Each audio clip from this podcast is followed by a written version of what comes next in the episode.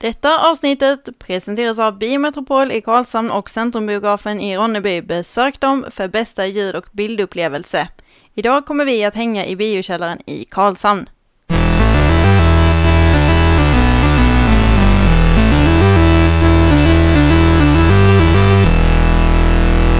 Nerdfriendly 42. Det är svaret, men vad är frågan? Vad är frågan? Eh, mitt namn är Alexander Levin. Mitt namn är Christian Fernlund och välkomna till Nyhetsmorgon. Eh, Så jävla officiellt. Japp. Eh, vi bara tänkte vi kör igång så direkt. Och eh, vi ska även presentera här i, här i Nerdfriendly-podden för första gången Oskar. Ja, Hej. tack. Hej. Vad gör du här? Ja, det undrar jag också. Jag skulle stänga bion och sen så satt ni här. Ja, tänkte det är faktiskt en, på. en, en av våra eh, härliga sponsorer med oss Ja, i detta avsnitt. Det är jättetrevligt. Så nu får vi skärpa oss, hålla oss i, Håll oss i schack. kragen. precis. Mm.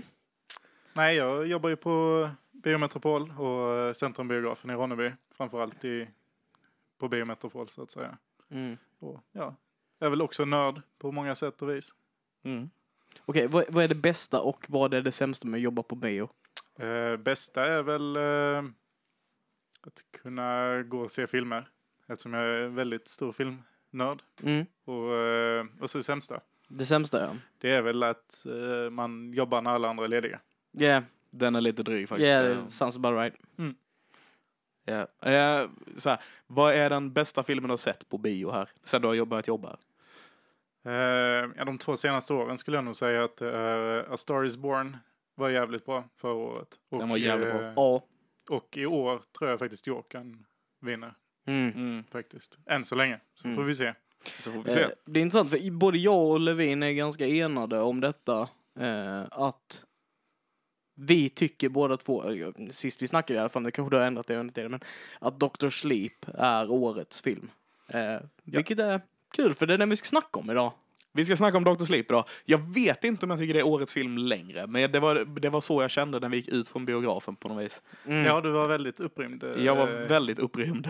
Mot slutet där. Ja. Och, jag, jag är fortfarande lite nu när vi bara börjar snacka om det liksom. Det Så. börjar bubbla upp nu liksom. Ja. Det, Ja men det är ju en väldigt, eh, jag upplever ju inte den som kanske en ren skräckfilm heller utan det är ju en typ av äventyrs mysteriefilm som, Mm. eh, nej, den är jävligt väl sammansatt. Mm. det är den. Jag skulle inte heller kalla det för skräckfilm. Alltså, det känns inte som en skräckfilm. Det är mer snarare en äventyrs fantasy-aktig sak.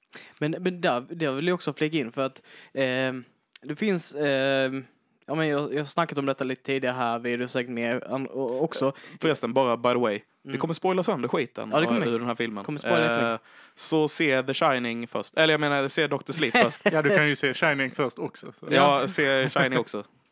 Eh, men det jag tänkte säga var att i Glass Cannon Podcast så sitter de och diskuterar lite innan de ska köra avsnitten. De, de har ju en eh, rollspelspodd där de spelar Pathfinder. Eh, och då pratar en utav dem då liksom att de har diskuterat inom sig att fantasy, den formen av fantasy när du spelar liksom, eh, när du slåss mot demoner och monster och liknande.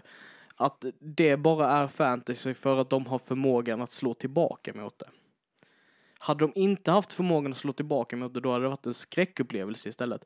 Och jag tror, och jag tycker att den här filmen fångar det ganska bra. Du har liksom de här oskyldiga som inte kan försvara sig, som, som där det är ren och skär skräck.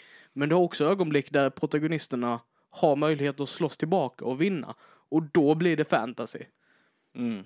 Ja men det tycker jag absolut. Eh, jag fick väldigt mycket eh, Stranger Things-vibbar med framförallt huvudrollskaraktären, den unga flickan. Ja. Som, Abra. eh, ja, Abra, precis. Som liknar Eleven extremt mycket i Ja. många avseenden tycker jag. På, på många sätt gör det. Och på många sätt inte alls faktiskt. Men, men på många sätt gör det. Bland alla de bra delarna så att säga. Ja, precis. man Mm. egentligen säga. Ja, nej men jag, jag kan hålla med om den eh, kategoriseringen att eh, när man kan slåss med spökenen så är det mer fantasy eller Mm. sci-fi beroende på om det är Ghostbusters eller Dr. Sleep. Ja, eh, ja, ja men alltså på, på något sätt. Alltså jag menar det, det är alla skräckspel som har kommit senare till som har verkligen varit bra. Då har de varit liksom den situationen där du inte kan försvara dig. Där du måste fly. Ja, Liksom- absolut. Ja, men Alien Isolation, eh, ja, men vad heter Pewdiepies uh, guldhäst? Amnesia, Ja, precis. eh, Outlast, Ja, en massa sådana. Mm. Så okej. Jag, bara, jag bara försöker klargöra det själv- för mig själv i huvudet att om man kan slåss tillbaks så är det fantasy och inte skräck. Eh, Typ. inte, inte stenhårt. Jag, Nej, såklart inte så. stenhårt, men. Men, men jag tänker också att det handlar lite om hur bra man kan slåss tillbaka och liksom så settingen. Ja, ja, ja. Jag tänker typ Dead Space, då kan du slåss tillbaka men du har liksom det här att du behöver managera dina resurser och sånt väldigt mycket för att du inte ska bara få slut på grejer och inte kunna skjuta ihjäl dina fiender. Mm. Men nog talat om det här nu och åter tillbaka till Dr. Sleep för det är en väldigt, väldigt stor film som vi ska prata igenom här. Ja. Så Dr. Sleep är typ en uppföljare till eh, The Shining. Eh, både boken och eh, Stanley Kubricks film, skulle jag säga. Ja men det har de väl gått ut med och sagt. Ja, men ja, typ. Det, det, det är inte en straight up uppföljare på något vis heller. Men det handlar om eh, Danny Torrance som vuxen. Eller ja, han är en av huvudkaraktärerna får vi säga. Ja, precis. Ja, men han, han är väl den man följer Ja, men det- mest, ja. så att säga. Den heter ju Dr. Sleep och han är Dr. Sleep så att jag, det är väl hans film Ja, ja. på något sätt. På något sätt. Mm. Eh, så det, det följer han. Eh, vi, får, vi får helt enkelt. Eh, filmen börjar med att vi får se lite bilder från när han är ung och eh, hur han lär sig ta hand om eh, om, eh, om, om spökena med hjälp av hans shine liksom. Mm. Och vad tycker vi kan börja där. Vad tycker vi om recastingen på dem som vi ser i början? Vi ser unga Danny Torrance och mamman. Jag kan väl tycka att de kunde kört, eh, ja, nu är det bara snobben som kommer i huvudet, men man kunde skippat och visa ansiktet på mamman. Faktiskt. Oh. Det, och bara köra ren Danny-perspektiv. Mm. Köra ryggfilmning eh, och så vidare och sånt. Ja, det var ingen Eh. jättestor del av filmen så jag, det hade jag nog kunnat köpa. ändå. Ja, precis. Eftersom det är så l- extremt liten del så eh, hade det varken, ja, det hade inte tagit bort från erfarenheten utan tvärtom tror jag att det hade kanske accelererat just den här lite isolationen och ensamheten han känner i att bara, ja, det är inte, det är, hans mamma kan ju inte se spöken så att säga. Nej, nej. Nej, precis. Nu tycker jag i och för sig att hon som spelade eh, Wendy, heter hon, karaktären va? Jag tror det. Eh, hon var ju faktiskt ganska lik eh, Ja. originalskådisen. Ja, väldigt lik. Eh, även rösten och eh, det dåliga skådespeleriet passar ganska bra in liksom. Men, men där, eh, i, i det också, så ser jag, ser jag faktiskt ett, ett litet, alltså ett, problem. För att om du, in, om du inte hade visat hennes ansikte, då hade du inte fått någon... Det känns väldigt konstigt om man då också visar, om, om man visar då eh, Jax, eller vad heter- Danny. Danny. Nej, inte, Nähä. inte den utan... Eh, Ja, Jack- jo, han Jack. Nicholson. Ja, eh, Nej, Johnny. Johnny. Så Ja. heter han. Ja, då, då Nej, eh, Jack Torrance. är det Jack Torrance? Han heter Jack. Ja. Ja. Fan, jag blir jätte... Han kör, jag, eh, jag vet inte, det är någon grej från Johnny Carson eller någonting. Ah. Ah. Okej, eh, men ja, för då blir det lite så här konstigt att de visar hans ansikte och de har recastat honom, men henne och, he- och henne, bara hennes bakhuvud liksom. Det, där, det, det blir lite så... Men det- hela, då hade man kunnat skippa hela den grejen, för det var ju typ det sämsta i film. Det var faktiskt något av det sämsta i filmen, jag håller med. Vilket eh, tänker du? Eh, Recastingen på Jack Nicholson. Ja, jag, jag satt faktiskt och hoppades på en uh, deepfake. Alltså det hade, jag tror det hade varit bättre, Ja. ärligt talat. För det, det fick mig ur filmen. Han var ju jätteduktig att på något sätt enkapsla vad eh, karaktären är för någon. Men jag tycker inte det är ens i närheten av vad Han var inte lik. eh, Jack Nicholson gör. Nej. Nej, precis. Nej, han hade samma fula frisyr. Men det var... Ja, det var typ det. Och Jack Nicholson, han är liksom en, en special kind of creepy. Mm. Ehm, Som är svårt att kopiera. det har med hans utseende att göra. Yeah. I'm sorry Jack. You got that face. Hit the road, Jack. Don't come... Nej, okej, nu får vi inte prata. Nej. Mm. Fast jag älskar Jack Nicholson, jag ska inte vara sån. Nej men det, det är ju också det, bara det liksom att han, han förkroppsligar någonting i The Shining som eh, och i hans själva utseende och hans sätt att spela på liksom. Du kan inte ersätta honom. Nej. Ehm, Och det märktes väldigt tydligt i den här filmen att det inte går att ersätta Jack Nicholson. speciellt när de ska spela samma karaktär i en uppföljare. Det blir väldigt, väldigt märkligt. Mm. Mm. Absolut, det håller jag med. Eh, jag, jag satt, eh, det tog mig ganska lång tid under just den scenen att fatta att det var han. Alltså jag kände bara det måste ju vara han, det måste vara han men så här, jag fick liksom ingen Nej, koppling till det. Nej, sen tycker jag väl det, det bidrar väl lite till förvirringen att han utger sig för att vara eh, bartendern från första filmen. Så att Ja. säga. Precis. Vilket gör att man, "Ah, vänta, är du inte... Ja, precis. Bara, fast så såg inte bartendern ut. Och det, Nej, precis. ja. Nej, så, men eh, det är en bra skådespelarprestation. Men det är ju liksom... jag, jag har ingenting emot skådespelaren så. Jag tycker det är castingen som är... Ja, nej, men jag... eh, Eller det är hela idén med att ha med han där på något vis. Fast samtidigt, jag gillar idén med att ha med han där för att Danny får konfrontera sin eh, alkoholistfarsa som höll på att mörda dem liksom. Ja, precis. Så jag gillar idén med att ha scenen i filmen. Det, jag gillar inte... Castingen. Eh, Nej, alltså även om han skötte jobbet bra så det är ju liksom... Man, man borde ju kanske gjort en deepfake eller någonting på det. Jag vet inte. Ja, nej men nu är man ju så duktig på deepfakes så att jag... Och det är ju bara, jag tycker väl också att de kunde ha haft eh, Jack Nicholson komma in och göra voice acting i så fall. Ja. Ja. Också. ja, alternativt om man bara inte visar hans ansikte där också. Ha någon som är väldigt bra på att uh, köra hans röst. Du ser Det är sant, för hade man kört det med mamman, att man aldrig, att de, att de kör snobben-grejen liksom, Ja, eh, med mamman, och sen hade man kört samma grej med, inom situationstecken, Jack Nicholson i baren, där vi, då hade man tagit den kopplingen på något vis, tror jag. ja, Jag tror Det det hade med. nog varit en snygg grej till och med. Det hörde Mike Flanagan. Vi så- vet mer än det. Eh, nej, och, och, men en sak till med just recastingen som jag tyckte var väldigt märklig, det var att han, eh, Dannys kompis, som lär honom om The Shining sånt, Mm, att han inte Kocken var... från The Shining. Ja, Precis. precis. Att han inte var eh, någon annan. Det gjorde också att det blev lite så här. Ja, det blir lite half-assed. Ja. För Där, där har de tagit in honom igen, men sen har de skippat de andra. Då känns Ja. lite som, aha, Fast skådespelaren som spelar Danny i The, The Shining var ju med i filmen. Det var lite kul. Var han det? Ja. vil, vilken roll spelar han? Han satt, eh, eh, när vi får se baseballkillen första gången, så Aha. satt han på läktarna. Aha, Ah. Ja. kul. Det är ju, ja, en jävligt kul Easter egg. Yeah. Märk, märkte du det själv eller Nej, fick du jag, jag fick tjuvtitta.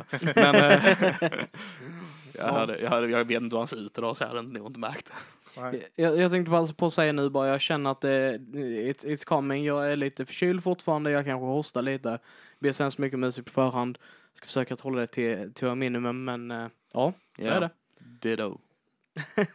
Ja. Ehm, nej, men eh, egentligen så var det väl just den här grejen med recastingen. Som, det var nog det enda jag inte tyckte om i filmen tror jag. Nej, men jag tycker Och då var jag ändå okej med recastingen. Pacingen som de kör i första delen av filmen är ju väldigt lugn, men den är Mm. ju väldigt eh, karaktärsuppbyggande tycker jag å andra sidan. Och den är väldigt eh, så här, eh, vad är det jag letar efter? Re, remin, Tung. Nej, reminiscent. Eh, är nog ordet jag letar efter, fast det är engelska. Mm. Men man, det är liksom lite samma känsla som i The, Kubricks The Shining. Återkopplande, alltså att den, Ja, typ. att den sätter en i den känslan. Li, lite så. Man får lite Shining-känsla just på tempot i början av, på, Mm. av filmen. Liksom. Eh, ska, vi, ska vi bara köra en, eh, en recap liksom Mm. om, om genom filmen, vad det är som händer och vad det är som försiggår, liksom vad den handlar om. All right. Eh, så, så basically då, Danny eh, har vuxit upp, eh, blivit alkoholist som sin far eh, och han bestämmer sig för att åka, åka bort ifrån eh, staden där han har bott med sin mor. Eh, hamnar på en ny plats, vad heter den platsen? Minns inte. Uh, Och, nej, det kommer jag inte ihåg. Elm. Street. Irrelevant kanske och där Ja. blir han nykter och åtta år senare så har han arbetat då som eh, Ja, han har arbetat och han är nykter och liksom så här, han har kontakt med en flicka som heter Mm. Abra. Jobbar på ett ålderdomshem. Ja, Och, där, och därav namnet Dr. Sleep. Yeah. Mm. För att det blev, han blev kallad för typ the doctor som pratar med folk innan they Da- go da- to sleep. ja, innan de dör. Danny har ju då förmågan att eh, se på människor eh, när de håller på att dö. Mm. Genom Precis. att eh, flugor samlas runt ansiktet och sånt. Mm. Så Mm. att, ja, då ser han när det är dags. Han, han Yes. vet när det är dags. Det finns även en katt på hemmet som känner av när folk håller på att dö. Ja. Azrael tror jag den heter. Det är nog den starkaste shinen i hela Ja. Loren. Och att, eh, att inte, att inte, att inte, vad heter det, de här, The True Not eh, kom efter dem. Heter de så? Ja, det tror jag not. Ja. Mm. Efter katten. Efter katten, ja. Ja. Det kanske inte är så mycket steam i en katt, jag vet inte. Den, den kanske inte når ut så mycket heller. Den Nej. kanske är väldigt nöjd med sin egna lilla shine liksom. Ja, ja. Den kanske är en sån eh, ångvampyr som suger ur. den bara sitter och väntar på att de ska dö. Så bara... men, men vidare då. Eh, I samma veva då så har vi fått eh, blivit introducerade till några karaktärer som basically är eh, energivampyrer som äter energin från folk som kan shina. Ja, och det är Eh. de som är the true not då som vi... Yes. Eh, hon bevittnar då bland annat ett mord på en pojke. Eh, och som de här utför. Eh, och hon, eh, det startar liksom allt det här för att hon, hon blir upptäckt och de här not ska komma efter henne och så vidare. Ja, samtidigt så vill hon eh, ju eh, inte rättfärdiga mordet, det blev helt fel. Eh, hon, vill, hon vill att eh, liksom föräldrarna ska hitta kroppen och så vidare. Och så, vidare. så hon skickar ut Danny för att Sitta. hitta kroppen. Mm. Ja. Men också hon blir upptäckt av The True Not som vill komma åt henne för hon är typ the, the brightest shine of them all så att säga. Yeah. Ja, eh, alltså för, för någonting som inte har varit etablerat hur stark någon kan vara i att shina så gör de det jävligt bra. Alltså de etablerar liksom med att hon, den här tjejen som kan shina liksom går in på biografen, hypnotiserar en snubbe, snor hans grejer och drar igen liksom. Och hon bara kan, nej, jag, jag lyssnar inte på det. Hon kan liksom bryta det hur lätt som helst Mm. eh, med hennes. Och sen att hon blir över andra sidan landet ivägskjuten från eh, liksom en, en eh, ja vad, blir det typ? Mjölk... Eh, Ja, kylen där ja, tänker du. kylen. Jag känner att nu är vi lite all over the place och pratar här. Ja, nej, nej det, det jag menar bara att de etablerade jävligt bra hur, hur stark Abra verkligen är. Ja, Mm. För de, ju... de bygger upp först the villain och sen visar de hur stark Abra är. Så vi får ändå en referenspunkt till hur powerful. Ja. Ja, de visade ju hur stark Abra var, alltså på sätt och vis med hela grejen. Eh, på hennes födelsedagskalas och de har trollkarlen då. Han bara, ja ah, jag kan få eh, den här skeden och böja sig eller försvinna eller vad fan det var. Ja, fast när hon får dem att sväva på händerna. Ja, ah, så var det, så var det precis. Och eh, hon bara, det kan jag med. Mm. La, la, la, la, la. Och sen så kommer föräldrarna in i köket och alla bestick i hela köket hänger från taket. Men, men där, eftersom vi inte har någon referenspunkt i hur starkt det är för denna världen. Well, vi, alltså vi har ju lite från The Shining. Ja, men ändå inte. Vi har inte fått se Danny göra någon telekinesis. Alltså, vi vet ju inte ifall han har den förmågan att shine eller hur den kraften fungerar i den här Nej, världen. det de visar från han är ju det här med klockan. Okej. Det minns Om inte ni- jag. Eh, Det är ju han eh, träffar på den här snubben från AA. eh, Och så ser han att han Ja, tar sig för Mm. handleden och Just han det, bara, ah din klocka ligger där och där och där. Mm, just det. Om du vill ha den igen. Lite clairvoyance-aktigt. Precis. Mm. Det var en nice Easter egg också by the way. Jaha. När han får jobbet eh, som, eh, som på ålderdomshemmet där vi. Mm. Det är samma kontor som i The Shining. Jaha. Jag fick kolla upp det efteråt också. Men eh, för bara det är någonting som ser bekant ut med det här typ. Och så när man kollar upp det, det, är, sa- alltså, det ser likadant ut. Det är ju svinkul. Ja. Mm. Som när Jack får jobbet att jobba på The Overlook Hotel. Okej. Mm. Mm. Men, men så du håller inte med mig där då? Inte alltså de, eh, de, eh, de et etablerade, de etablerade att hon var stark redan innan, men man fick aldrig se, se hur stark hon var förrän eh, efteråt liksom. Mm. Jag kan väl tycka att reaktionen på eh, The True Not uh, karaktär, eller chefen där vid, vad heter hon, Rose with the Hat. Ro Rose with the hat. Hon, eh, reaktionen på hur hon reagerar när hon då får det här slaget mot sig Mm, flera, flera hundratals mil ifrån. ja. Eh, tycker jag etablerar rätt så starkt den här Mm. enorma styrkan hon gör. Och jag tycker det på ett så subtilt sätt gör det också. Mm. Mm. Hur hon både chockat och exalterat. För hon är ju hungrig. Mm, Ja. precis. Det här är ju festmåltid. Liksom. Ja, precis. Det tycker jag de lyckas riktigt Mm. bra med. Eh, faktiskt. Ja, men jag håller nog med dig där. att Det, det kändes nästan mer som att man, man fattade hur stark hon var baserat på The True Not, liksom. På hur de reagerade på henne. Ja, men jag vill bara poängtera där är också att det är ju bara för att vi har fått se hur stark hon är som vi vet hur mycket, hur, hur, hur starkt detta är. Ja, hur ja. big of deal detta är. Det är det, det, är det jag menar liksom. De bygger upp eh, Rose with a hat till att visa vilken badass, hur stark hon är. Mm. För att sedan sätta Abra i kontrast till detta. Vi har jämförelser och referenspunkter till det. Ja, ja. Och därför blir Abra liksom, vi kan känna med henne att wow, detta är big deal liksom. Ja, Ja, precis. det håller jag med om. Det var min poäng. Okej. Förlåt att jag avbröt mitt i och aldrig lyssnade klart på den. ändå. Men det är väl så jag brukar göra kanske. Ja, exakt. Och så bara... ja, okej. Ehm, vad tycker vi om uh, ursäkta, eh, Rebecca Fergusons eh, insats som Rose the Hat? Otroligt bra. Otroligt bra. Ja, Faktiskt. jag håller med.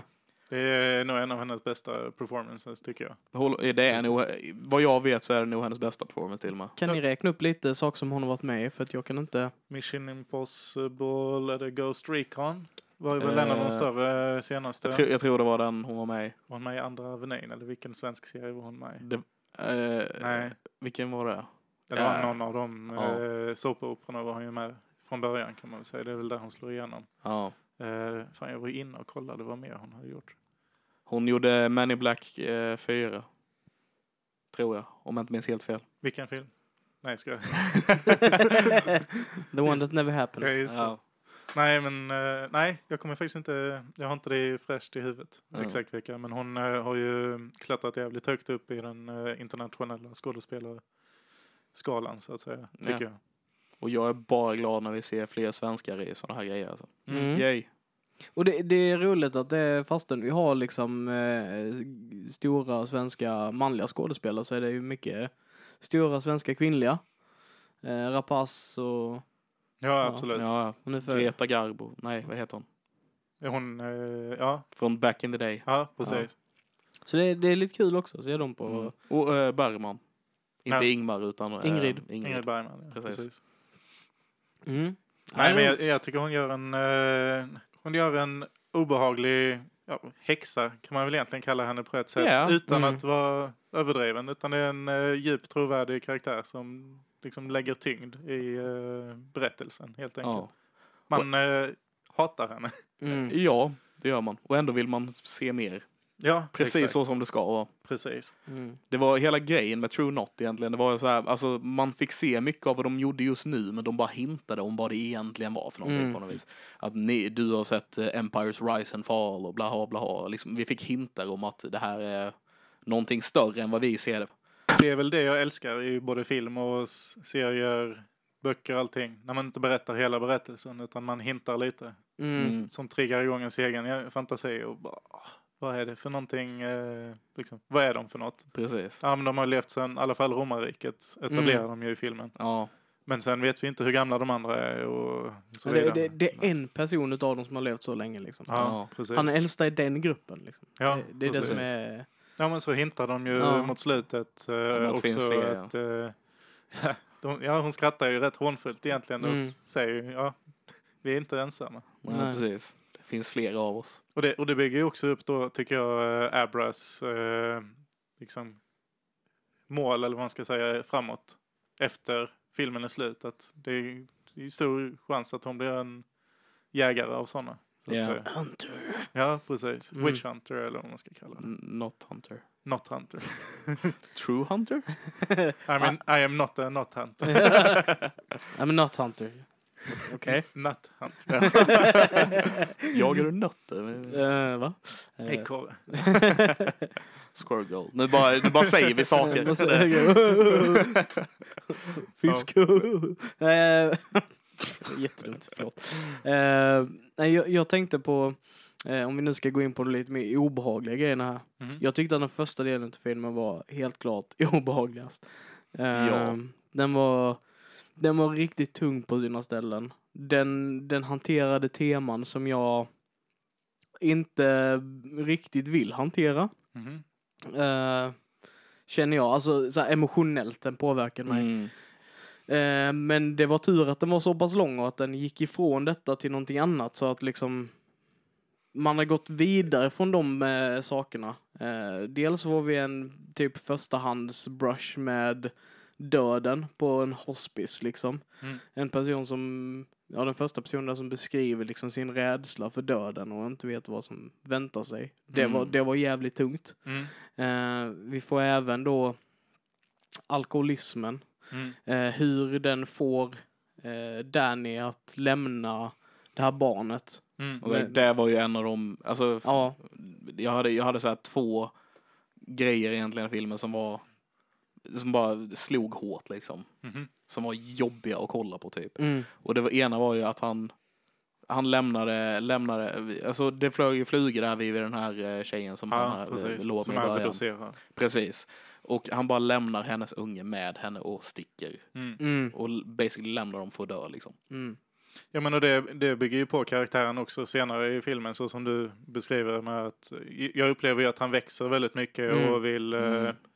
Make things right så att säga för sig själv. Ja. Eh, så han blir ju en väldigt om, alltså det är en karaktär man tycker om och någon som Ja. försöker göra rätt.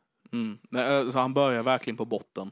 Men en grej som är lite, och här är en annan grej som är lite sur i den här filmen. Han får aldrig riktigt betala för det.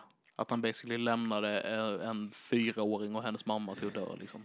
Man kan väl diskutera om han får betala för, för det genom att bli uppslukad i slutet av filmen i elden. Sure, sure, alltså på det viset. alltså, men, men det är ju eh, inte, det, det är inte direkt för, för det liksom. Jag hade ändå, alltså jag hade velat ha något mer än den lilla scenen vi fick efteråt för det, på något vis.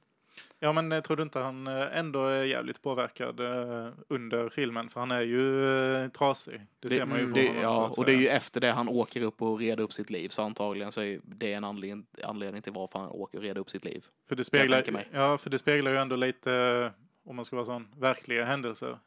Jag menar, Mm. det är ingen som vet att han har varit där. Hur, eh, alltså, ska, det- eh, eh, ska en högre kraft komma in och eh, straffa honom? Det händer ju kanske inte riktigt för en vanlig, alltså den i verkliga livet så att säga. Nej, precis. Utan då är det ju det här lidandet av eh, att ha att veta att man har gjort något så hemskt och så fel. Ja, jo, jo, Ja. men jag tycker alltså vi som publik kanske borde fått någon mer påminnelse om det eller någonting.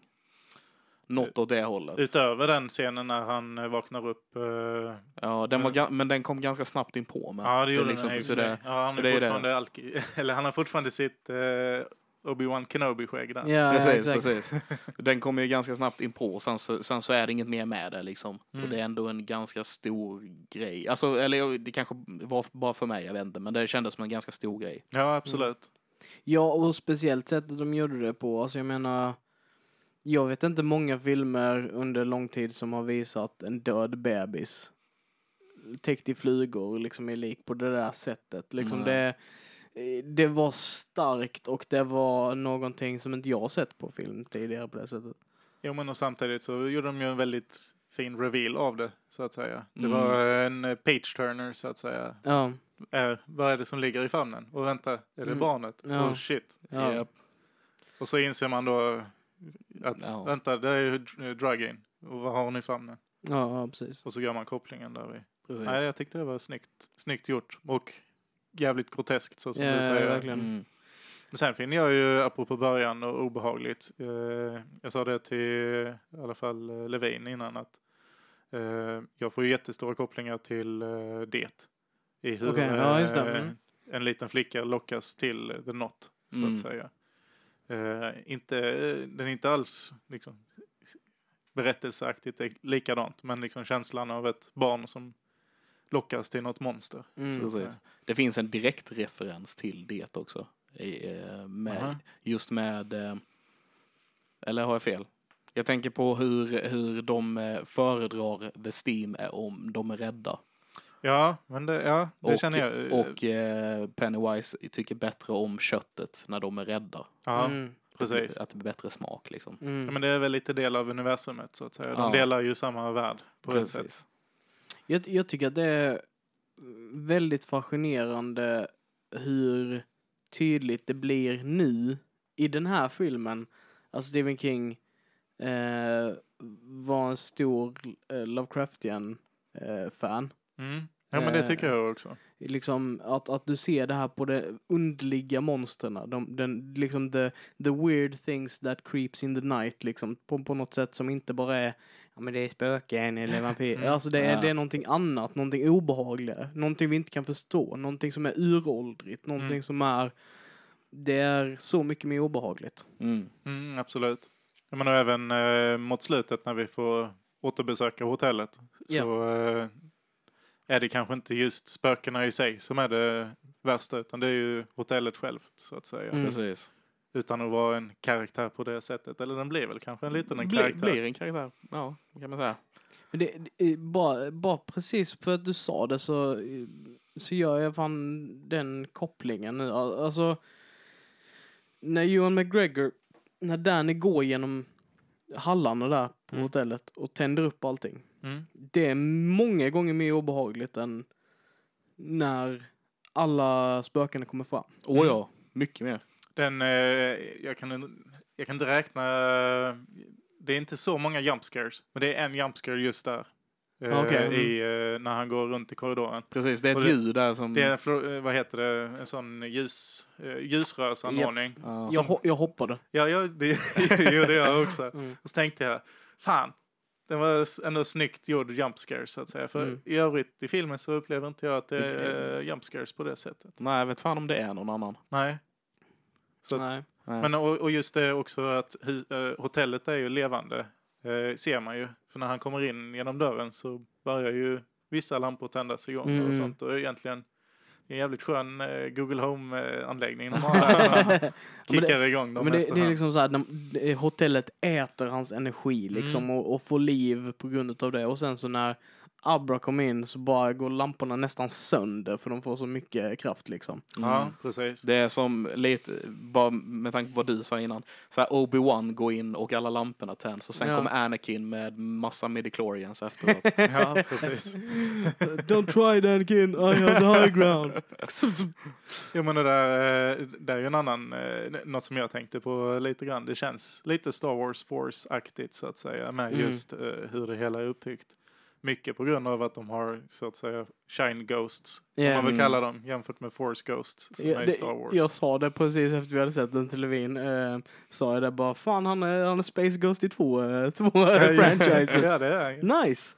Eh, Skitbra. Ja. Och sen så att vi får den, eh, den klassiska memen. Hello there. Hello Ja, there. just det. Ja. Han står på trappan. Ja, Så jävla bra. Ja. Och han står på samma ställe där Jack stod. ja. men det, ty- det tyckte jag också var en väldigt bra... eh, Jag, jag, jag satt och tänkte på just det när han går upp för trappan eh, i slutstriden med Rose the Hat så att säga. Eh, hon, jag hade velat se båda filmerna bredvid varandra. Om de tar samma steg upp.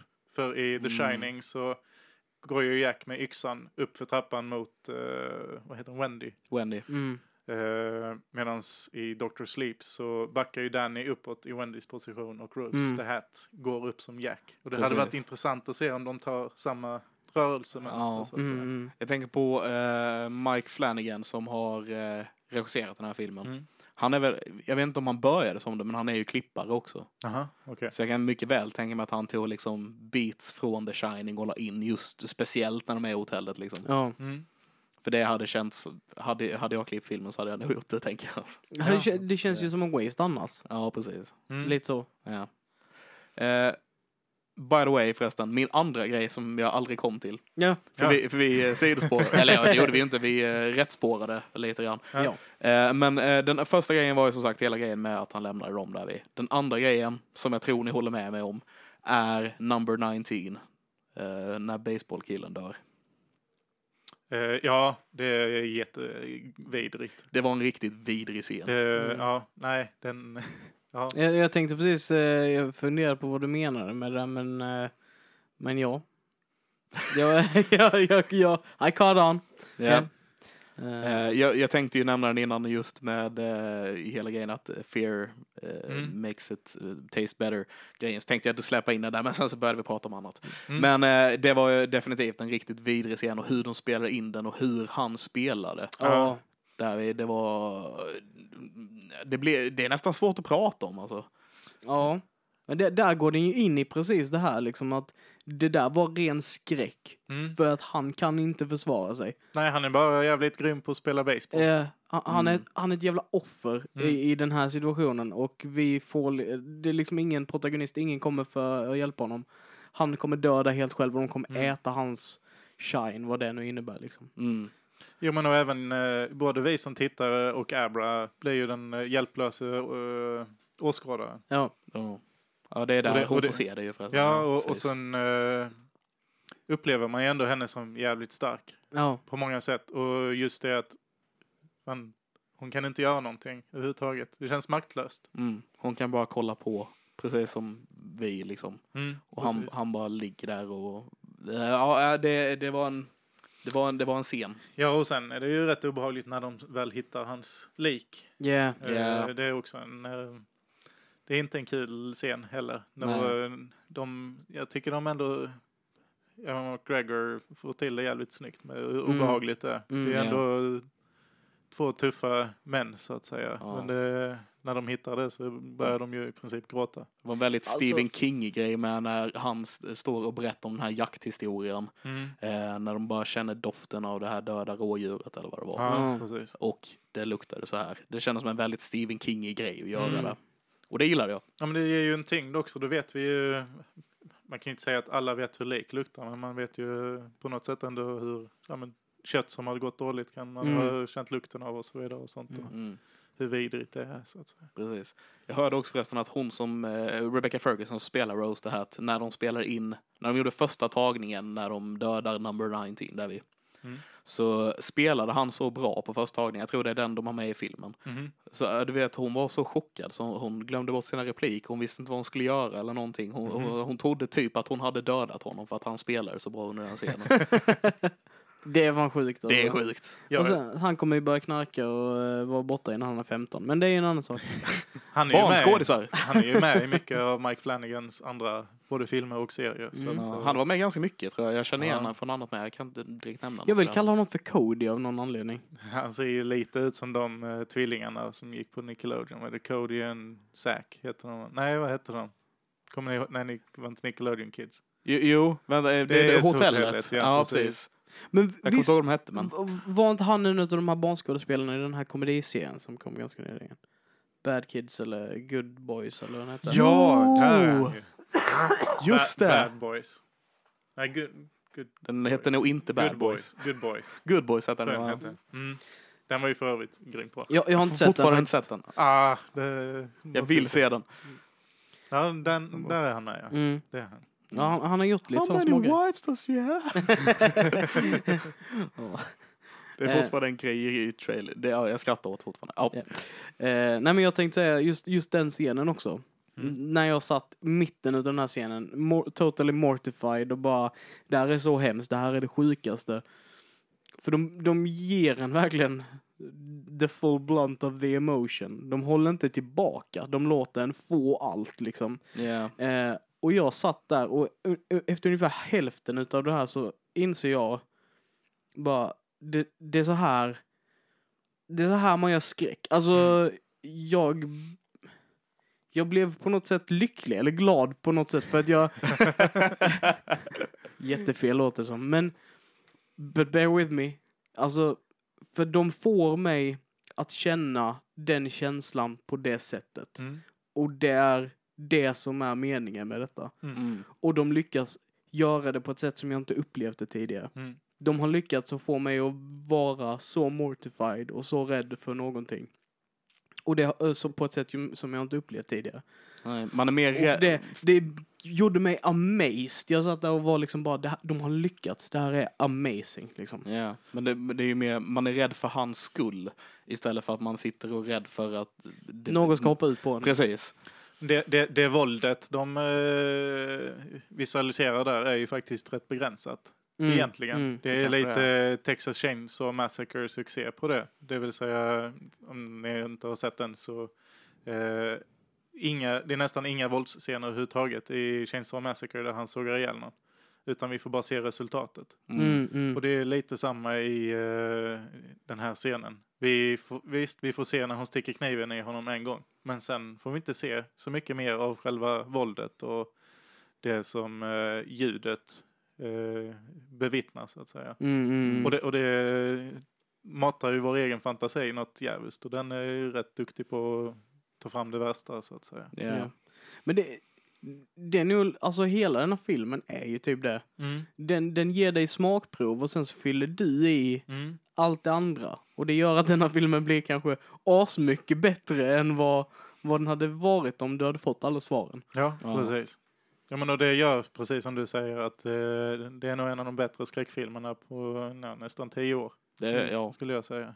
Faktiskt. om nu kan räkna ett skräck. Men ja. Ja men alltså, ja. ja Alltså, precis. ja. Den har skräckscener, men filmen är stort. Ja. Nej men det, alltså. Den, det är en skräckfilm. Det är bara det att genren inte definierar filmen. Filmen definierar sig själv. Vi hade en diskussion just om det med skräck, alltså genre överhuvudtaget och skräck. Att sk- skräck är en av de bredaste uh, genrerna man kan ha. Alltså vi kan gå allt ifrån paranormal skräck till uh, uh, slasher-skräck till sån här fantasy-skräck som jag skulle Mm. nog kalla det och så vidare. Mm. Så att det, nej, det, är- det är svårt att definiera exakt vad det är. Man får gå ner i rätt många underkategorier innan man hittar rätt kanske. Och Ja. ibland så är det inte ens det rätt utan det är en blandning av flera genrer. Ja, men så är det nog. Vad, vad tycker vi om, eh, för som jag förstår det så, eller som sagt jag har kollat upp lite så här grejer innan. Och i, ursäkta, i boken Dr. Sleep så är ju inte hotellet med. Mm. Utan det är ju någonting som bara finns med i den här filmen. Ja. Okej. Ehm, vad, ehm, och uh, likadant att, eh, spoiler, jag vet inte, har, har ni läst böckerna? Nej. Nej. Nej. Inte jag heller. Men, eh, men eh, The Shining avslutas med att eh, hotellet brinner ner. Mm. Okej. Och det gör det inte i film. Alltså Kubricks film avslutas inte så. Men Nej. boken Shining avslutas så på samma sätt som, den, som eh, hotellet brinner ner i den här filmen. Spoiler. Ja. Eh, så, så de har tagit den biten och lagt in i den här filmen. Alltså bara vad tycker vi om de här ändringarna? Är lite eh, frågan. I och med att vi inte har läst böckerna så kanske det är svårt att prata om det, men alltså. Jag vet, nej, vet du hur eh, den slutar i boken, Dr. Sleep? Har du koll på Eh, den? ja, grejen är att de åker fortfarande till den platsen där hotellet låg, men det, hotellet finns ju inte kvar utan det är bara Mm. Platsen som fortfarande av någon anledning eh, ska hjälpa till liksom. Okej. Eh, sen exakt hur den slutar vet jag inte, men Det är lite Pet Cemetery Tänkte precis säga det. Eh, Så här ancient eh, native american burial ground här också. Ja, precis. någon sån grej. Kanske. På ett sätt så tycker jag nog ändå, med tanke på filmen och att den existerar på det sättet den gör, att eh, för jag ser väl egentligen The Shining och Dr. Sleep som en tvådelare. Att detta Ja. sammanfattar The Shining bra och det är en bra avslutning för Danny på något sätt Mm. faktiskt. Ja. Och det är väl det som den, den, det är med det slutet också. Men jag kände nog att de sista tio minuterna utav filmen var de svagaste. Mm, det håller jag helt med om. Ehm, Håller, håller nu också med. Men jag, jag, bara, jag bara älskade att på något vis att de fortfarande hade med hotellet här. Mm. Med tanke på att uh, Kubricks ögon inte slutade så. Och, men det som jag älskade mest tror jag var musiken. Att vi fick in musiken från The Shining i Mm. den här filmen igen. Jag, alltså, Mm. jag, jag, var ju, jag, jag studsade ju av glädje i bios. är, är, det, är det hustemat då på något sätt? Eh, ja, antagligen. Jag måste Alltså, kolla upp den. Det är ju temamusiken för The Shining-filmen, men de tar ju Mm. dit den när man, där det är, de startade med den och de Mm. avslutar med den musiken. Mm. Det tyckte jag ju förresten var en väldigt snygg eh, resan till hotellet som Mm. efterliknar just The Shining. Ja, det, men det är bilder från The Shining som har tagit in. Det är det? Ja, det är Ja. samma bilder som, Ja, vad häftigt. inte alla men Nej. vissa är nya. Men, Men sen tyckte jag också om eh, den här lite reflekterande rundgången som Danny gör när han går från rum till rum och jag gillade ju lite den här eh, Here's Mm. Johnny-referensen när han tittar in genom badrummet. Mm. Där, eh, ja. den, den mest kända scenen från hela Shining. Liksom. Ja. men det är en sån grej, det måste man göra på något vis. Ja. Det, det var ju tvunget att vara med liksom. Mm. Och, men utan att, det, utan att det blir en gimmick. För det är ju Mm. inte så att han eh, gör samma sak sen när han blir eh, nej, possessed så att säga. Utan, Det är lite mer av en hommage. Ja, exakt. Eh, Mm. Hommage för oss som är utanför filmen, men för honom så är det reflekterande som du precis sa. Ja, Mm. Så det funkar liksom på båda hållen. Mm. Mm. Dä- Däremot så någonting som jag kände blev väldigt gimmicky och tråkigt var när eh, Rose the Ja, jag Hat vet precis vad du pratar om. kommer till uh, blodkorridoren. Ja. Mm. Och du ser den falla i slow motion. Och det är liksom inte ens lite obehagligt. Mm. Och hon bara går därifrån. Och vi har fått se 10 sekunder av någonting och inte fattat varför ser vi detta. Och Nej. va, liksom det, det bara tog ur en ur alltihopa istället. Det är lite som att gå en eh, skräckattraktion på eh, Liseberg och eh, att den repeatar var femte minut. Mm. Liksom Mm. sånt. Kan jag, eh, nej, Mm. jag tyckte den var också var... De kunde ha gjort den på ett mycket bättre sätt. Mm. Jag kände det Om enda de som... nu behöver ha med den alls. Ja, Ja, exakt. det, det enda som störde mig, alltså, för jag, gillade inte det heller riktigt. Men det enda som störde mig var nog hennes reaktion på det. Mm. Alltså att hon borde ju haft, antingen borde hon, jag vet inte om hon skulle blivit rädd för det, men där på något vis borde det varit kanske att ljuset gick upp att det här är inte vilket ställe som helst liksom. Men Någonting. kan det, kan det vara också, för vi ser ju många gånger i filmen att eh, människor med the shine har möjlighet att modifiera verkligheten som andra människor är i. Mm. Vi ser ju Abra vid ett tillfälle skapa sitt eget rum som ett arkiv så att Just säga. det. Ja. Ett mind castle så att säga. Där hon då straffar Rose the Hat rätt kraftigt och även vi får ju även eh, se eh, Dannys rum så att säga och Mm. vilket är labyrinten och så vidare. Och Kan det- Rose. Ja, Rose får vi också besöka hennes Mm. bibliotek. Som är för övrigt är jävligt stort. Det är en katedral typ. Det Ja. är amazing. Ja. Jag Men- ska nog visa att hon är gammal. Ja, det tror jag också. Och Mm. det, jag hade gärna haft ett sånt bibliotek. Ja. Mm. Att vara välfyllt med information och vishet. Men, eh, men frågan är, mi- min fundering då är, är det för att hon tror, eller liksom, ah, it's a liksom, mind game Mm. som Abra eller uh, Danny skickar mot henne. Är det det hon liksom sån, ah, Det, det, så kan det ju vara faktiskt. Alltså att det är det, den reaktionen vi får. För hon, Mm. hon blir, haha, jag vet att det är Abra som gör det här fast egentligen så är det Mm. hotellet. För det är ju samma när hon då konfronterar Danny och Abra eh, lit, någon stund senare där vi, och hon blir placerad i labyrinten. Så är hon ju helt, där hånfullt skrattar hon ju åt Abra att hon skapat den här tramsiga labyrinten. Så, Precis. Så, så kan det nog vara. Bara att man inte riktigt hängde med på det liksom. mm, Nej, jag, jag tänkte precis säga det oavsett om det är så eller inte är ju ganska relevant för att de visar inte det tydligt. Så- Nej, nej, det, alltså det borde ju vara tydligare i filmen så sätt. Men, Mm. eh, men det kan nog stämma att det är det, det, är det som är grejen. mm. Mm. Det är min enda fundering, men jag håller med om att reaktionen känns lite Ja, beige. Och lite sen den, den, eh, den skrämselgrejen just också. Att den, och det är kanske är det de vill visa, den var ju läskig då för Mm. att den var chockerande då. Mm. Mm. Alltså det var någonting som inte var okej. Det, det pushade gränserna liksom. Mm. Idag så vet varenda person som ser denna att det inte är blod. Mm. Alltså, alltså du vet, det, det är inte läskigt längre. nej. Men det, det, Eh. det, nej, precis. Och det skapar ju det här kontrastet med den extremt realistiska mordscenen vi såg med nummer 19. Ja. Mm. Och så har vi då en eh, Tarantino-scen i princip med en, ett blodhav som flödar ut från eh, hissen. Liksom. I slow motion. Ja. Alltså det... Undrar om hon såg den i slow motion fast var i real time så att säga. Förstår ni Hon vad- var ju i real time. Ja, ja. Ja. men jag bara ser hur framför mig hur hissen i slow motion väller ut och hon bara ja, okej. Men det, är det, det är ju exakt det jag ser framför mig. Hon Mm. går runt hörnan där. Det kommer en våg av blod i slow motion mot Mm. henne. Du får se en scen på henne där hon är i real time och bara kollar på den och bara okej. Ja. och sen så kommer du tillbaka till den och du bara faller fortfarande i slow motion och hon bara ja ja men jag går väl. Alltså, Ja, lite grann. det är så jävla weird. Jag har ingen lust att tvätta skorna sen liksom. Nej men precis, bara varför? Den där är ju inte skrämmande. Nej. Nej. Men det, det blev en skum grej i filmen när de gjorde så. Mm, De, kunde, de skulle gjort det annorlunda. mm. Om vi nu ska ja. hacka ner lite. på- Jag, jag väntade mig eh, björnen, att den skulle dyka upp någonstans. Mm. Men eh, han kom ju aldrig upp. Nej. Vet du vad? Nej, jag... Det är en björn, det är en björn som typ en man i en kos- björnkostym. Ja, ja, ja, det är det. Som, som eh, det, det är typ en bild i The Shining när det är en björn, när det är en snubbe som sitter på sängen så är det en björn som är i björnkostym som är framför. Ja, Eh, och, just det, eh, just det. Och eh, Ja. ja, Vad trevligt. Ja. Ja, Precis. nu minns jag. Nu Ja. minns jag den lite. Nej, Men, Men det var inte med, nej. nej, jag tror inte det.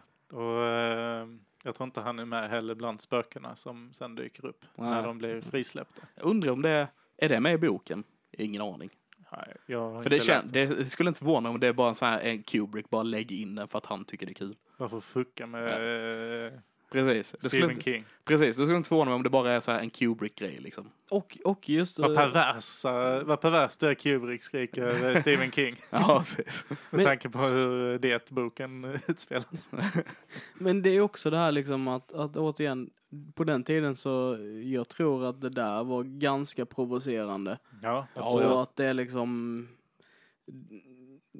The Shining den första, jag tror att den levde i skitmycket på chockvärde. Ja. Alltså Mm. blir skitstor på chockvärde. Och ju mer sådana konstiga saker, bizarra och groteska prylar du kunde slänga in desto mer så spreds den på chockvärde också. Mm, Mm. Absolut. Jag Ja. älskade by the way, för, eh, bara, förlåt, Mm. Eh, men när de var i labyrinten och de körde just efterliknande eh, grejen med eh, steadicamen och detta i labyrinten med eh, Rose the Hat nu. Mm. Så jävla fantastiskt med tanke på att eh, The Shining var den första långfilmen som hade en steadicam-bild i sig om jag inte är helt fel. Mhm. Eller det var i alla fall den som gjorde det stort med steadicam-bilder. Mm. Och det var just i den labyrintscenen. Så när de härmade det här där så blev det också så här en liten glädjegrej i mig liksom. Kan du förklara vad det innebär? En steadicam är ju en eh, rigg som man eh, fäster på kroppen med en väst med en arm på basically. Ja, okej. Som gör eh, hela grejen mer smooth basically. All right. Så Ungefär så- basically till åtta gånger där men ja. Det är ungefär den förmågan en höna har. Den eh, kan ju hålla sitt huvud stilla trots att den rör sig upp och ner i kroppen. Så. Precis. Så man sätter på sig den här västen och har armen och hoppar så kommer kameran vara still typ. Ja, Mm. precis. Och, det, och det, jag kan ju tycka att det är, eh, det är lite för många filmer idag som inte använder Steadicam där jag hade velat ha det. För att Ja. det, det ger ingenting, eller det tar nästan mer bort från min erfarenhet, alltså experience, att det guppar när kameramannen går efter så att säga. Mm. Så att, nej jag tycker det är väldigt vackert, alltså det är snyggt att få in det som du säger, att då lägga in det i den igen. Det, det behövs ju så att säga. Ja. Jag gillar jag. Svårt att göra tycker jag. Men nej, jag gillar det. Ja, Mm. nej jag tycker det är snyggt. Faktiskt. Mm. Mm. Åh, jag vill se den här filmen igen nu. Ja. Jag, Ja. Vill, jag, vill inte, jag vill inte missa någonting så jag vill, jag vill reflektera lite och komma fram till vad finns det mer för grejer i den här filmen som, som jag vill ta fram och prata om? Vad tycker ni om eh, drömsekvenserna, eh, hur de visualiseras så att säga? Eh, eh, Dels, Ja. dels har vi ju hennes, eh, en av de tidiga är ju när Abra eh, ställer sig upp ur sängen och går fram till fönstret, varpå han, Mm, just det, och huset välter typ. och ja detta. precis. Det tyckte jag var ganska nice faktiskt. Mm. Eh, det jag inte gillade var väl när eh, Rose flyger över staden grejen. där, Mm, det var lite nej. eh, ragdolligt. Ja, lite så. Men eh, just huset välter grejen, Mm. eller hur vi ska förklara det. mm. Den, den gillade jag både när det, både när det var med eh, Abra och när det var med ehm, Danny. eh, Danny precis. När, I Mm. rummet där han bara glider ner för går hela golvet Yeah. rakt in. Det var nice, det var riktigt nice. Mm, det var det. Alltså undrar varför det manifesterade när hon får den här paniken. Hon eh, får se modet utav eh, Baseball Boy 19. Undrar varför det med, manifesterade i Red Rum hos Danny. Nej, han såg det i spegeln, det var därför det stod Red Rum. Det stod i Murder egentligen. Jo men R var fel. Nej, det är tvärtom. Han har skrivit Red Room och sen så i spegeln så ser man Murder. Nej, men inte i den här. Eh, I Shining så är det så, han skriver Red Rum på dörren och så ser Mm. mamman det i spegeln och då står det Murder i spegeln. Mm. Här vi så, ser, eh, så börjar han med att kolla in i spegeln och då står det Red Rum på väggen och sen vänder sig och så står det Murder. Det är också nice, en nice grej. Ja.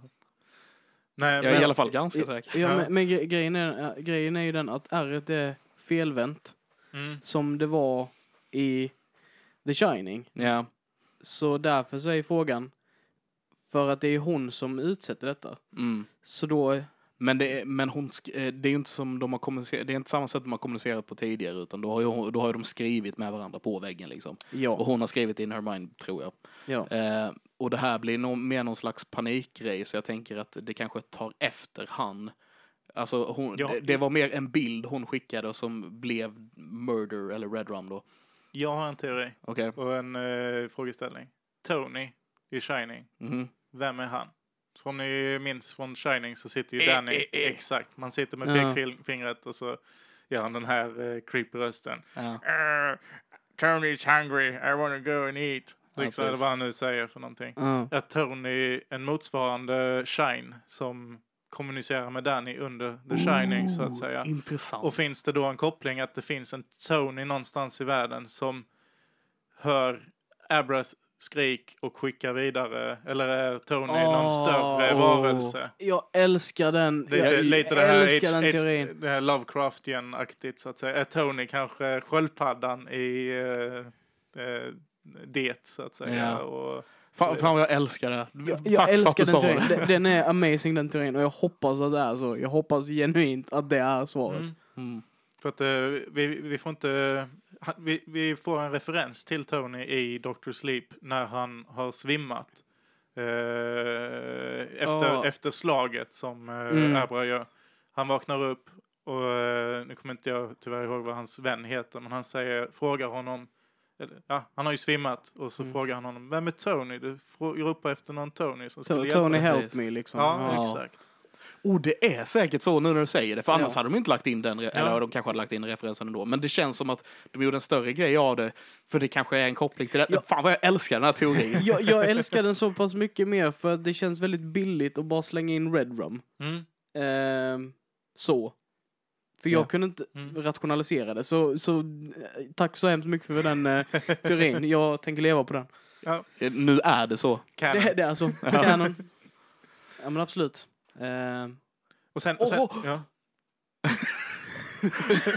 fan theories bara blomma. Men jag, jag såg den här i, i skog, skogscenen när Ja, de skjuter det. ihjäl alla, när de Mm. skjuter ihjäl alla de här eh, The Knot. Mm. I bakgrunden till höger så är det en svart skugga som står i Mm. skogen. Det var en gestalt En gestalt. Där, ja. Mm. Jag tänker att eh, i sådana fall, då är det också Tony. Tony han bara hänger med där, bara checkar läget. Ja, Tänk om det, det kanske det är så. Han bara kollar vad som händer med Danny hela tiden. ja.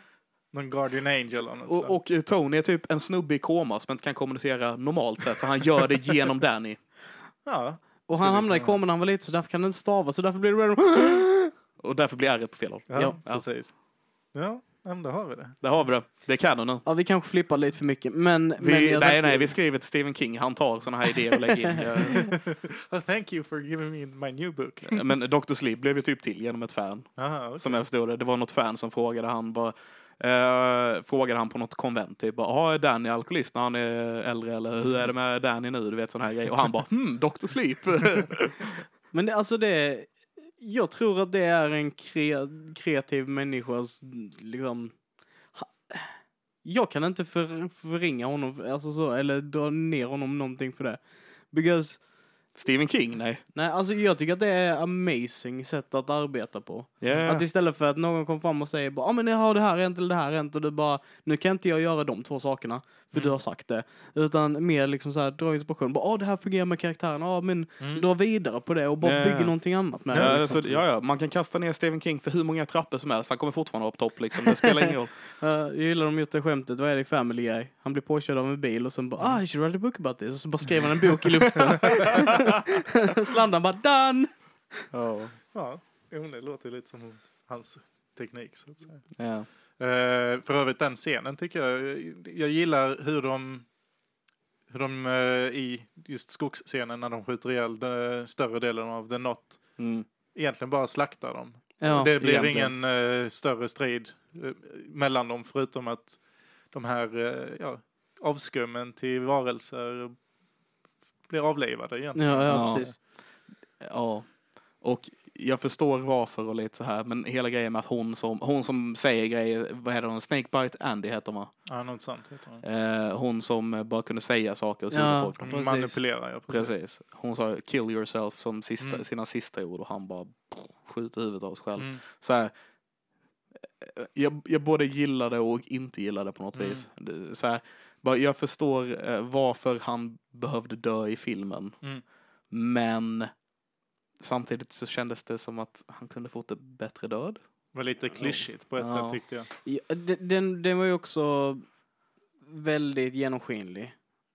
Alltså, hon, hon blev skadeskjuten, Mm. kravlade på marken, man var väl, eh, man hade väl koll på hennes krafter. Mm. Mm. Han gick fram med, med laddat vapen. Mm. Liksom, jag såg det komma. Mm. Ja, ja, ja.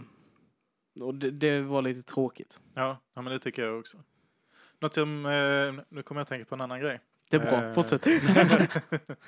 Eh, The Not påminner extremt mycket om eh, energivampyrerna i Dirk Gentlys Ja. eh, ja. Holistic eh, Detective Agency. Yes. Det gör de. Det, Tänkte precis på är- ja, det är väl egentligen nästan exakt så de har med rädsla och sånt, att suga energi. Mm. Precis, och det är därför de lever på syrran där. Vad, är, Ja, vad är de heter? precis. The Rowdy...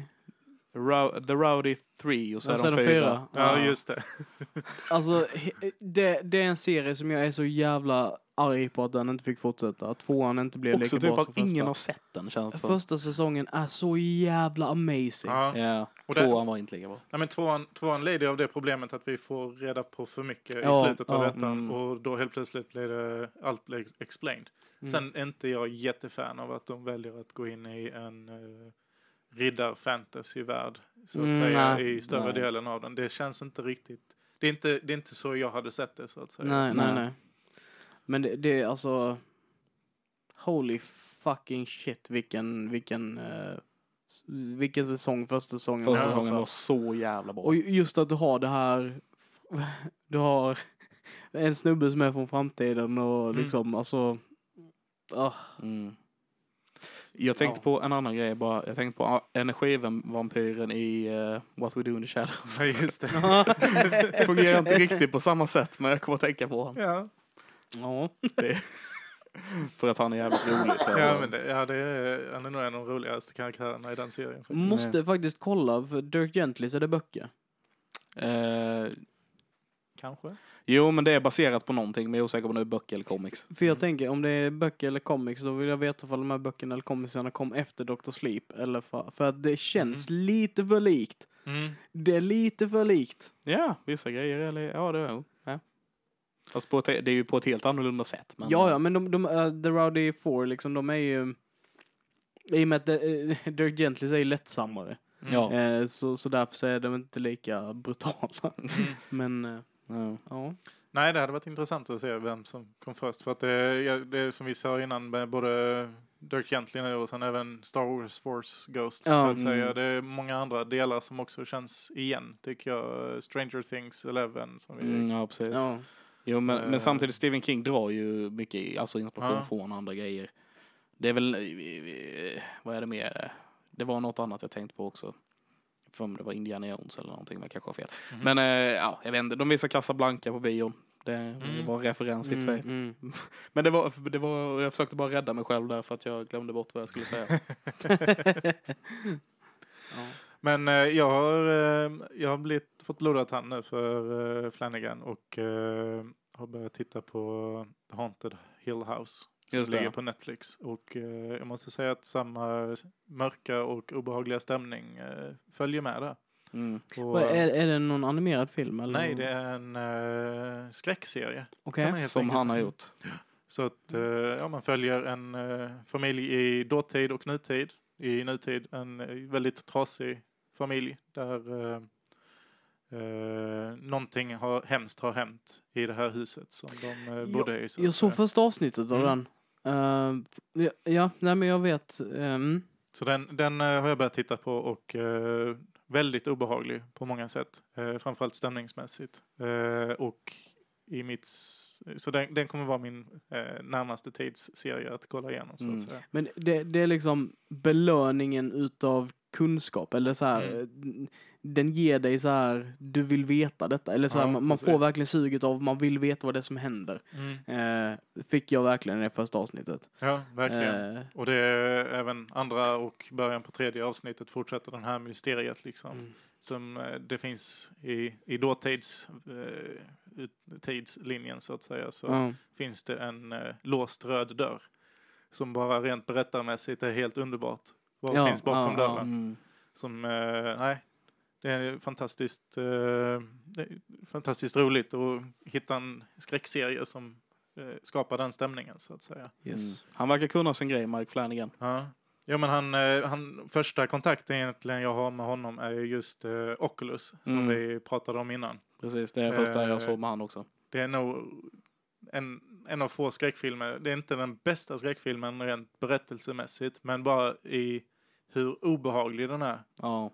Eh, satt kvar i mig rätt så länge efter att jag tittat färdigt på filmen. Och, Det är den som handlar om typ speglar va? ja, det Ja. finns en eh, ond spegel Ja. som eh, skapar sin egen verklighet om du finns i närheten av den.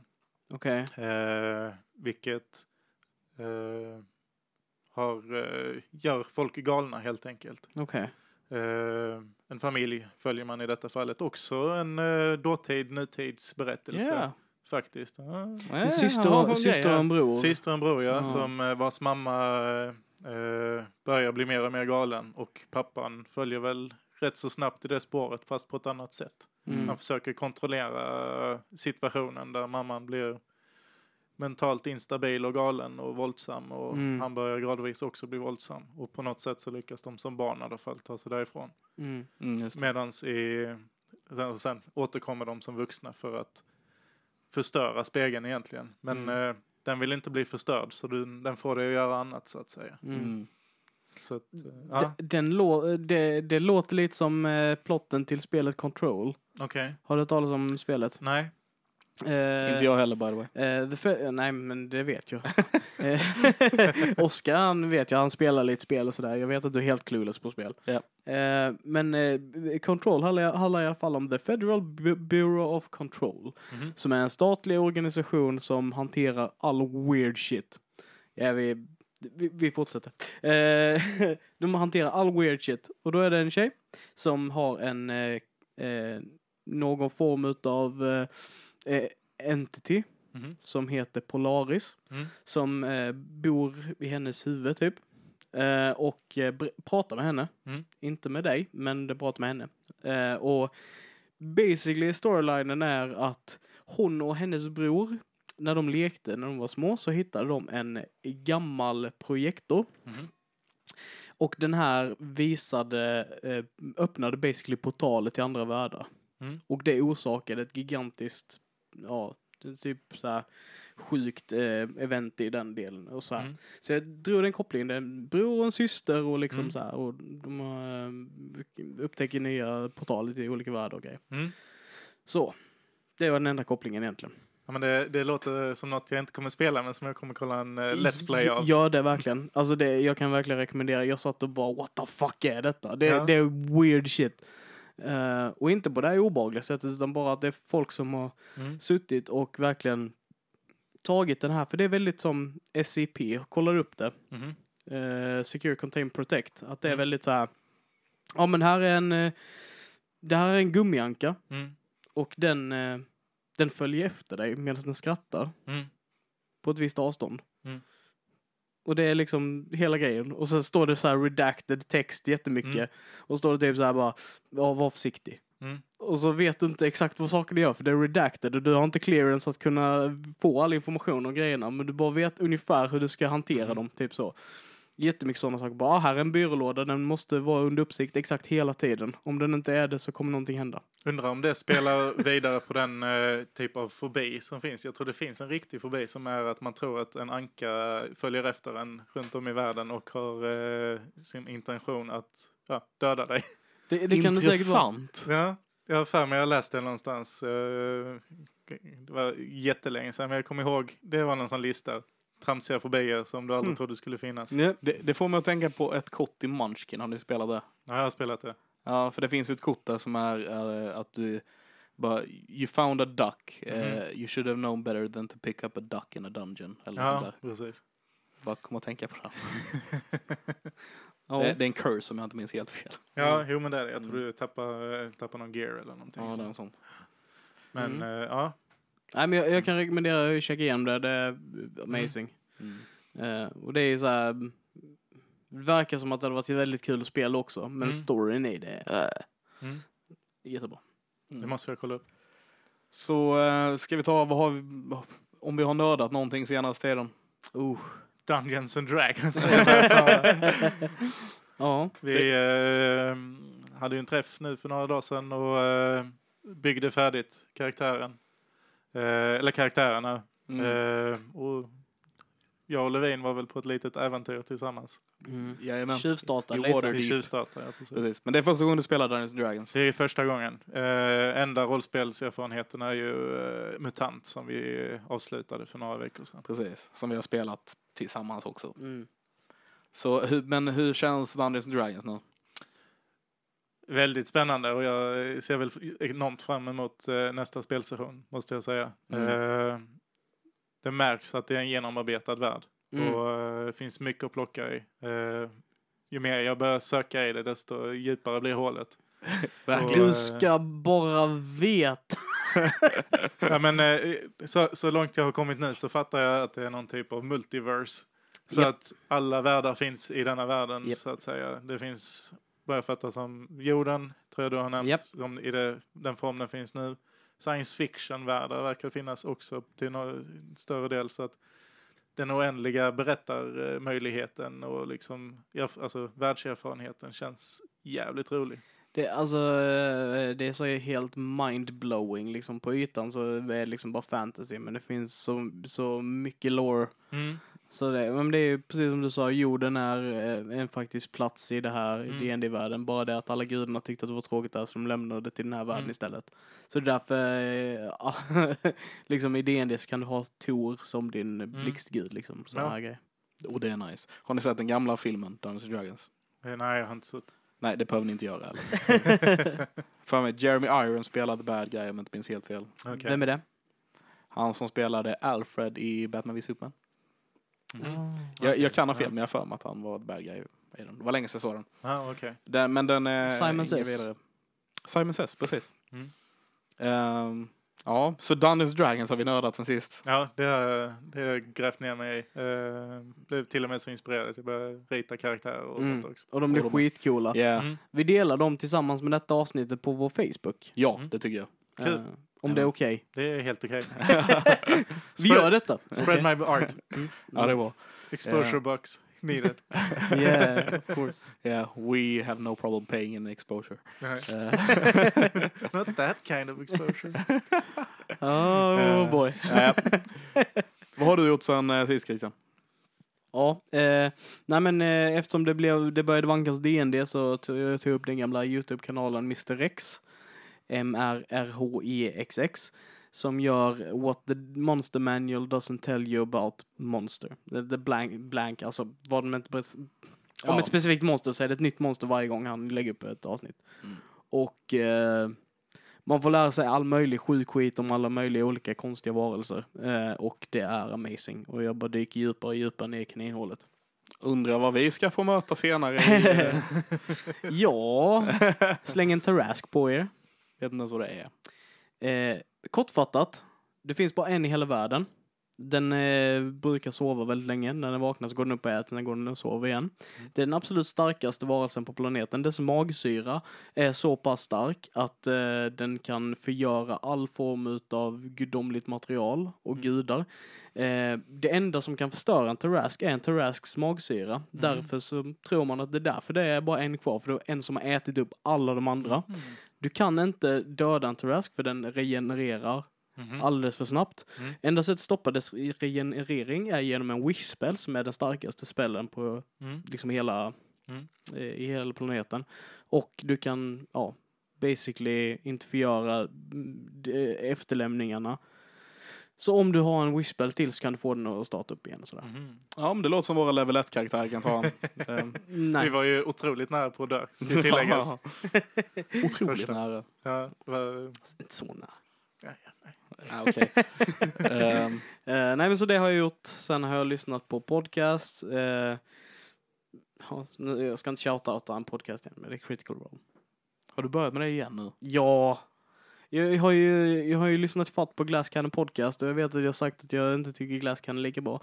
Men så började jag lyssna på Glass Cannon igen och nu är jag fan hooked i det igen. Och, Du menar critical role? Critical Role, ja. Precis. Ja. Eh, så jag sitter och lyssnar på det och sen spelar jag Two Point Hospital som är ett eh, sjukhus eh, simulationsresursspel där eh, alla mm, patienter har sjuka, jättekonstiga sjukdomar.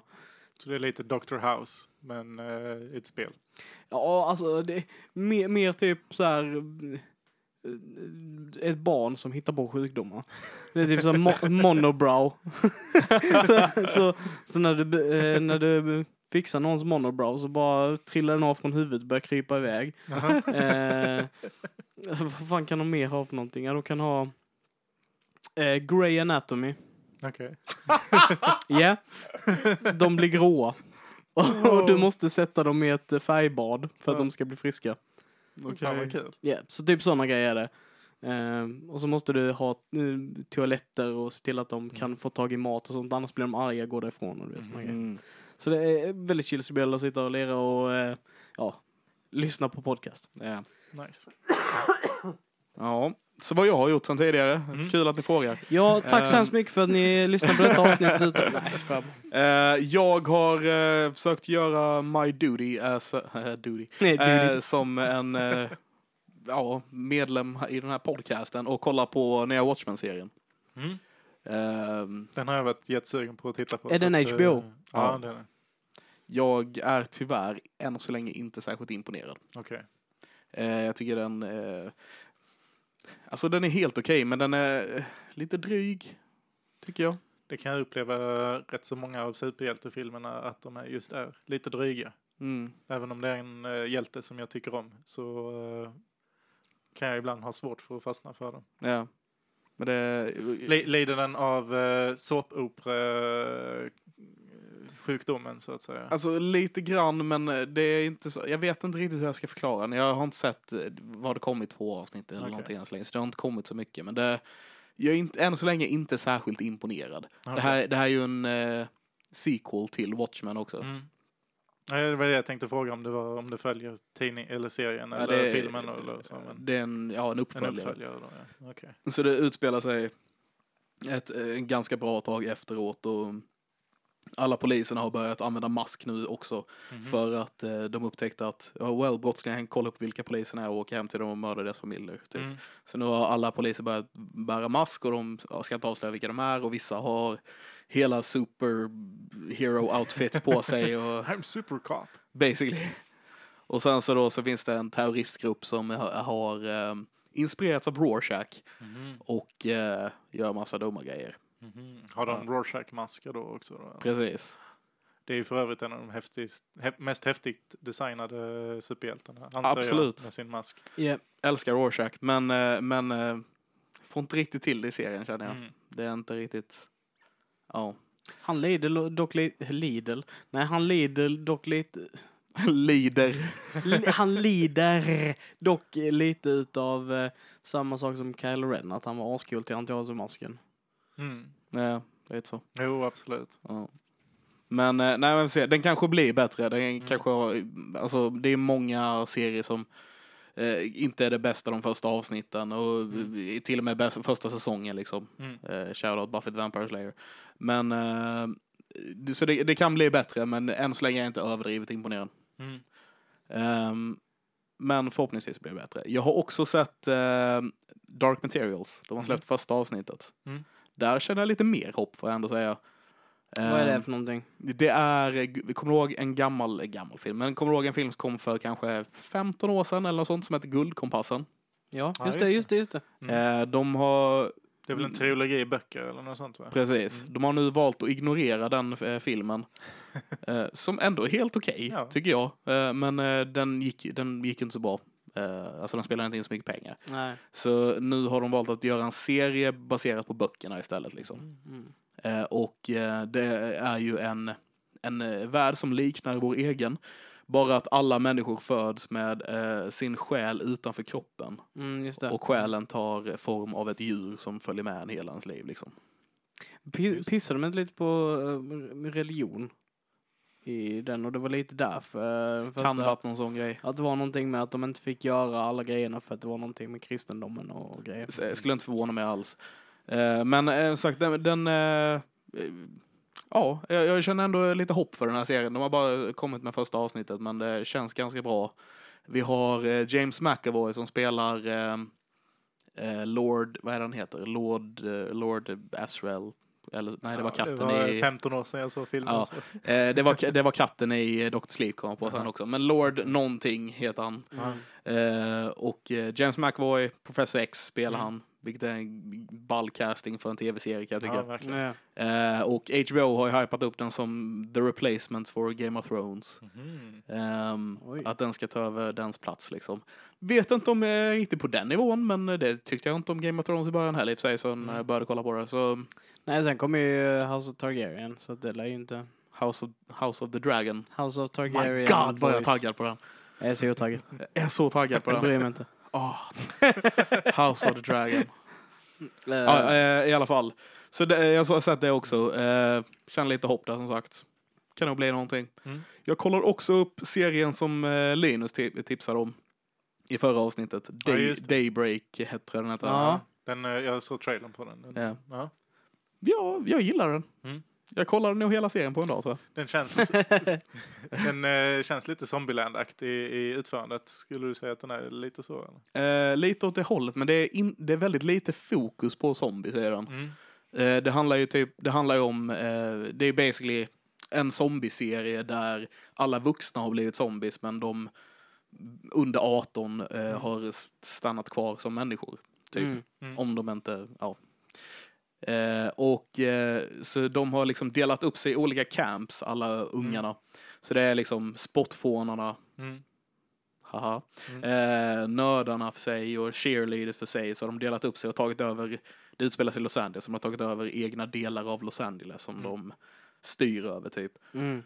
Eh, så det, det är mer fokus liksom på kriget mellan, mellan de här ungarna. Mm. Eh, där, och sen är det så här zombies i bakgrunden som Lite Lord of the Flies. Fast, Lite Lord of the eh, Flies. På cr- crack. Ja, precis. Lord of the Flies på crack. Ehm, och eh, den blir lite väl eh, millennial ibland kanske. Mhm. Men eh, ändå, eh, den, den var lätt att fastna på. Kul. Okej. Lätt Kul. att kolla på. Eh, jag tänker vi har gått över en del på tiden. Vi får nog börja Mm. stänga av nu. Mm. Eh, Okej, klick.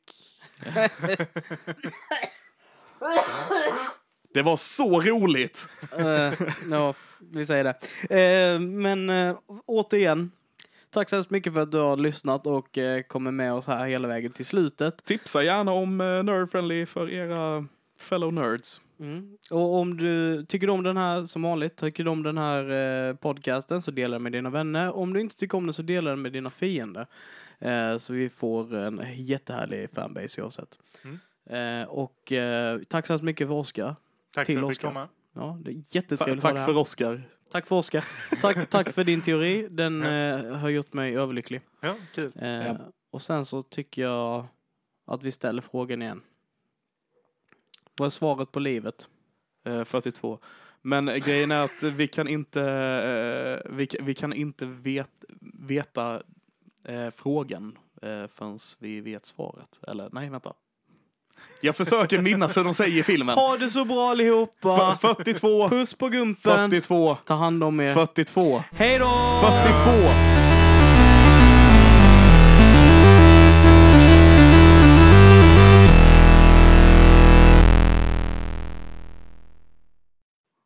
steelt.